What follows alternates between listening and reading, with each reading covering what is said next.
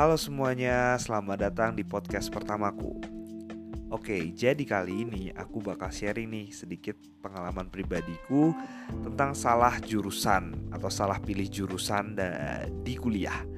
Nah, mungkin ada nih dari teman-teman yang lagi dengerin podcast ini yang saat ini lagi sekolah ataupun lagi kuliah yang mungkin ngerasa bosen atau ngerasa capek atau ngerasa kayaknya gue salah jurusan nih kayaknya gue nggak sesuai di sini.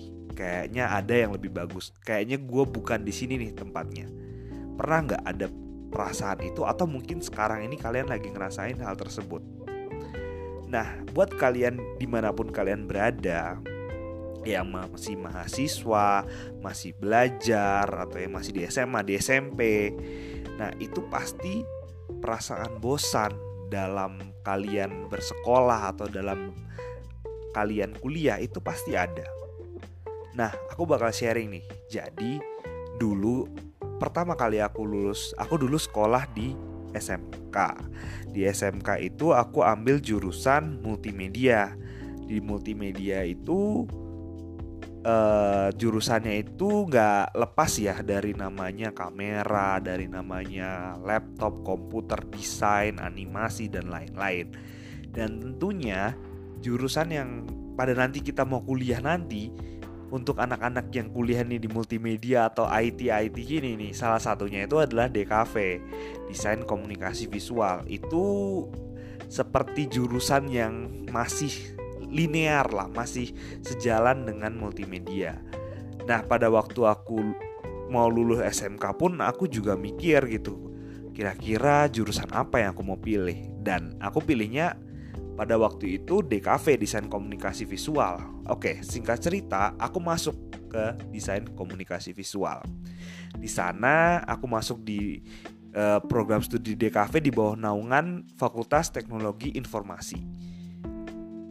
Jadi selama semester 1 ini, buat teman-teman yang belum tahu, di DKV ini semester 1 itu pasti gak jauh-jauh dari mata kuliah yang berhubungan dengan gambar tangan atau gambar manual jadi teman-teman disuruh buat namanya itu misalnya disuruh buat garis nih. Garis itu tanpa penggaris. Kata dosennya dan ya memang aku juga percaya aku nggak menyalahkan dosennya. Membuat garis tanpa penggaris itu melatih kita itu untuk percaya diri dulu. Karena banyak kalau orang itu menggambar atau membuat suatu karya dari lembaran kosong atau dari semua yang masih kosong itu kita kadang-kadang tuh nggak percaya diri gitu kita kadang-kadang itu ngerasa kalau bener nggak sih? Atau ragu-ragu dalam menggoreskan garis itu? Dan kita kadang-kadang mungkin butuh bantuan penggaris atau kita jiplak gitu kan. Nah ya seperti itulah. Kemudian di semester 1 itu mengenal tentang campuran warna, komposisi, nirmana, nirmana dua dimensi, tiga dimensi, mengenal tipografi, kemudian ada pengantar teknologi informasi, dan di situ di semester 1 itu aku ngalamin semua hal-hal itu. Dan aku suka dengan hal-hal itu memang suka itu semester 1 ya, semester 1. Nah, ini nih ceritaku ini sebelum akhir semester 1 itu aku mulai kerja ke beberapa uh, aku sambil kerja kerja gitu ya. Jadi aku kuliah sambil sambil kerja juga. Jadi nyambi lah. Kerjanya itu sebagai freelancer. Salah satunya itu kayak bikin aplikasi gitu. Aplikasi mobile juga uh, ada freelance juga di bidang foto dan video dan di dunia freelancer itu aku mulai kenal nih namanya uang. Nah, ini dia. Mungkin buat teman-teman mahasiswa ataupun kalian yang masih belajar yang udah kenal uang dalam kalian bersekolah pasti ini aku pasti bilang pasti ya pasti kalian akan mikir dua kali untuk melanjutin studi kalian itu pasti. Karena kalian mikir kalau kalian udah bisa ngasilin duit buat apa gue sekolah? Karena tujuan sekolah itu untuk kerja dan ngasilin duit ya kan? Dan kalian mikir bahwa sekolah itu nggak penting. Yang penting kan gue sekarang bisa ngasilin duit. Itu juga yang aku pikirin dulu. Tapi ternyata itu semua sebenarnya salah. Kenapa salah? Karena gimana pun juga kita hidup di negara Indonesia yang mana uh, kita ini tetap butuh namanya ijazah. Kita butuh namanya ijazah untuk mendapatkan suatu pekerjaan atau suatu posisi di suatu perusahaan. Kalau misalnya kalian udah yakin, kalau misalnya kalian itu buat usaha yang nggak bakal bakal nggak bakal ada jatuhnya, yang kalian mikir bahwa kalian bikin usaha tuh bakal langsung jadi bosnya, ya udah nggak apa-apa lah nggak usah sekolah ngapain sekolah gitu kan tapi apa iya ada usaha yang nggak pernah jatuh dan apa kalian yakin betul bahwa usaha kalian itu kalau kalian jadi bosnya dan langsung berjalan mulus langsung semua keuntungan masuk 100% balik modal terus semua keuntungan itu jadi uh, lebih meningkat tiap tahunnya dan kalian langsung jadi kaya raya gitu tanpa ada proses ya siapa yang bisa jamin? Untuk itu kita perlu tetap kuliah kita perlu tetap sekolah nah di situ salahku. Salahku itu adalah mikir bahwa uh, kuliah itu nggak penting. Aku lebih milih untuk kerja aja. Karena kerja jelas. Aku kerja dapat uang. Tapi aku kuliah cuma dapat nilai. Dan pada waktu itu aku ngerasa aku ngerjain aku kuliah itu udah nggak passionku lagi. Aku udah ngerasa bahwa aku kuliah ini karena terpaksa dan sesuatu yang hal yang dipaksakan itu pasti berujung tidak baik pasti dalam hati kita nih kalau mengerjakan sesuatu nggak ikhlas tuh pasti akan akan nggak sempurna lah bukan nggak sempurna mm, nggak mm, maksimal kunci dari sebuah kebahagiaan itu sebenarnya keikhlasan. Keikhlasan dan kerelaan. Ketika kalian rela melakukan sesuatu, kalian akan senang melakukan hal itu dan itu akan mendatangkan kebahagiaan ke diri kita sendiri. Nah, pada waktu itu aku udah mulai jenuh. Aku udah mulai mikir bahwa aku nggak bisa lanjut lagi nih di sini. Karena coba aku sedikit cerita ya. Salah satu project itu adalah dulu itu project di DKV itu disuruh membuat tulisan jadi kayak poster kita buat tulisan. Dan tulisan itu harus mewakili tentang apa yang misalnya misalnya kita mau nulis nih e, sesuatu makanan yang pedas. Misalnya kita tulis cabai. Itu fontnya atau tulisannya itu harus mewakili bahwa font itu pedas. Bisa misalnya ditambahin api atau warnanya jadi merah gitu kan. Dan itu project itu entah kenapa ya mungkin karena aku ngerasa udah mulai terpaksa ngerjainnya atau memang karena tugasnya sulit kayak udah campur aduk gitu loh. Kayak kayak semuanya tuh udah nggak jelas lagi aku di sana. Itu ngerjainnya itu bisa sampai nggak tidur sampai jam 3 pagi mikirin warna. Belum juga kalau misalnya nanti kan ada apa asistensi gitu kan. Belum lagi kalau si asdosnya itu nolak desain kita atau nggak di ACC itu kita ngulang lagi ngulang kita bikin bikin lagi. Jadi bikin 5 sketsa nanti yang di misalnya di ACC itu cuma satu atau bahkan nggak ada gitu loh kan sakit gitu ya. Maksudnya dalam arti ya intinya ya aku nggak mau ngaku, aku nggak mau ngakuin deh. Aku maksudnya aku nggak mau ngakuin kalau aku di situ tuh uh, melakukan hal yang benar. Aku salah. Dan akhirnya aku nyerah. Ya benar aku nyerah. Karena aku mikir di sini aku harus mulai buat pilihan. Aku pertama masuk DKV itu senang terus kemudian merasa capek aku merasa aku salah pilih jurusan. Dan sebelum aku masuk DKV kan aku bikin pilihan kan. Nah tapi di sini aku dituntut untuk membuat pilihan baru. Mau berhenti kuliah tetap kerja sebagai freelancer atau kuliah aja tetap lanjutin dengan keterpaksaan dan jadi menderita nggak tahu gimana apa nggak ada motivasi lagi untuk lanjut oke. okay, di situ aku mulai mikir. Kalau aku lanjut kuliah pada waktu itu dengan aku yang udah passionku udah nggak ada di sana, pasti tiga tahun itu bakal kerasa seperti 10 tahun. 3 sampai 4 tahun ya kalau standarnya S1 kan 4 tahun ya. 4 tahun di sana akan berasa seperti 10 tahun.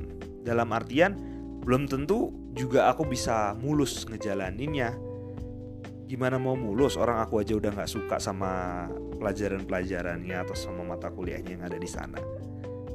Nah, akhirnya aku pilih untuk pindah jurusan. Nah, ini dia.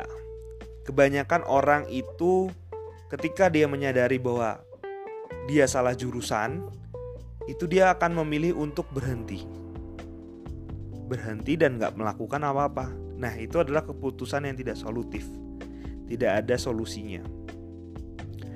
Dan kalau kalian misalnya udah gak ada motivasi dan juga kalian kemudian memutuskan untuk berhenti dan gak ada solusi ya menurutku itu juga bukan sebuah pilihan yang patut diambil karena buat apa kalian berhenti kalau kalian nggak punya solusi dan pada waktu itu aku mikir bahwa aku punya potensi dan aku punya passion di tempat lain dan kebetulan pada waktu itu ada salah satu teman, teman satu asrama yang dia itu kuliah di jurusan destinasi pariwisata yang berhubungan dengan manajemen destinasi, kemudian perencanaan, pengembangan. Jadi di di di, di sebuah destinasi gitu. Jadi itu yang mengenalkanku ke dunia pariwisata.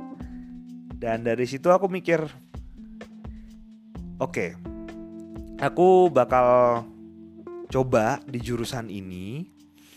Aku bakal uh, sepertinya ini jurusan yang sesuai karena passionku dari dulu adalah membuat foto motret terus juga uh, membuat video. Dan sepertinya industri pariwisata sekarang di Indonesia ini itu sedang merangkak naik jadi tren pariwisata ini emang lagi naik nih Nah, aku memanfaatkan itu sebagai uh, sebagai salah satu alasanku untuk pindah ke pariwisata. Karena jujur, men. Jujur ya, guys ya. Ngomong ke orang tua kalau kita mau pindah jurusan karena kita salah milih jurusan itu nggak gampang. Itu nggak gampang. Ada sebuah keputusan yang harus kita pertanggungjawabkan Pertama keputusan awal yang kita harus pertanggungjawabkan dan keputusan baru yang kita akan ambil itu harus dipertanggungjawabkan juga. Dan ya udah singkat cerita akhirnya aku pindah. Gak usah berlama-lama aku pindah. Dan apa yang aku sebut tadi keputusan yang bertanggung jawab adalah di sini. Ketika aku pindah, aku nggak ngerti sama sekali sama namanya pariwisata dan materinya segala macam. Aku ketinggalan satu semester aku ketinggalan satu semester di mana teman-temanku tuh udah ngerti. Contohnya gini kalau misalnya dosen lagi nerangin dia ngomong tentang pok darwis pok darwis. Itu tuh apa? Aku tuh nggak tahu pok darwis itu apa. Ternyata itu singkatan. Aku nggak tahu tiap ada ngomong. Misalnya e, siapa stakeholder? Oh ini juga apa istilah stakeholder. Kayak pemangku kepentingan ya aku tahu artis stakeholder itu pemangku kepentingan tapi apa korelasinya dengan pariwisata kayak gitu tuh nggak ngerti sama sekali nggak ngerti. Dan kayak aku juga pada waktu itu tahun 2018 awal masuk itu ya nggak tahu menteri pariwisata siapa terus 10 destinasi prioritas terus gimana manajemen nggak tahu sama sekali. Dan aku putuskan tadi keputusan yang bertanggung jawab tadi ketika aku udah bilang sama orang tua dan juga udah bilang sama ke diriku sendiri oke okay, aku mau pindah berarti aku harus bertanggung jawab di jurusanku yang baru aku nggak boleh ngulangi kesalahan yang sama. Dalam artian mau nggak mau aku harus berusaha keras mengejar ketertinggalan. Ya udah selama satu semester itu hajar habis-habisan. Buka internet tiap ada dosen ngerangin itu bener-bener mata tuh tertuju di laptop bawa laptop ke mana-mana. Di saat yang lain nggak pada bawa laptop mungkin ya pada waktu itu. Terus semua kata-kata dosen semua tak catat di highlight jadi kayak bener-bener nggak mau ada satu istilah pun yang terlewat dan itu prosesnya men uh luar biasa, luar biasa, luar biasa. Karena bener-bener anak baru yang nggak tahu apa-apa tiba-tiba muncul, pluk, sok-sokan mau terjun ke dunia baru yang kayak gue tuh, yang kayak aku tuh nggak bakal, aku belum pernah jejaki sebelumnya, tiba-tiba kayak kayak langsung nih masuk nih, bener-bener blank. Tapi seiring berjalannya waktu, Seiring berjalannya waktu, aku mulai nemuin ritmenya, aku mulai jatuh cinta sama namanya dunia pariwisata. Kemudian timbul keinginan-keinginan untuk traveling, untuk buat-buat video tentang pariwisata, tentang perjalanan gitu kan, untuk travel-travel gitu kayak travel blogger gitu kan. Dan di situlah aku mulai sadar. Singkat cerita aku mulai sadar bahwa kita tuh memang harus buat pilihan kita sendiri. Kadang pilihan itu bisa salah, kadang pilihan itu bisa tidak sesuai, kadang pilihan itu memang butuh butuh penyempurnaan gitu. Karena pilihan itu bukan sesuatu yang yang hanya terjadi sekali dalam kehidupan kita ya I know I know bahwa kesempatan itu nggak datang dua kali dan segala macam. Tapi kalau memang keputusan kita kita rasa salah ya jangan takut untuk buat keputusan yang baru. Kalau kita ngerasa bahwa keputusan kita itu nggak sesuai kalau kita ngerasa keputusan kita itu nggak sesuai jangan takut untuk membuat keputusan yang baru. Tapi ingat kita harus belajar nih dari keputusan yang lama kita ini apa yang salah. Kayak misalnya, yang salah itu adalah dulu waktu itu aku sambil kerja.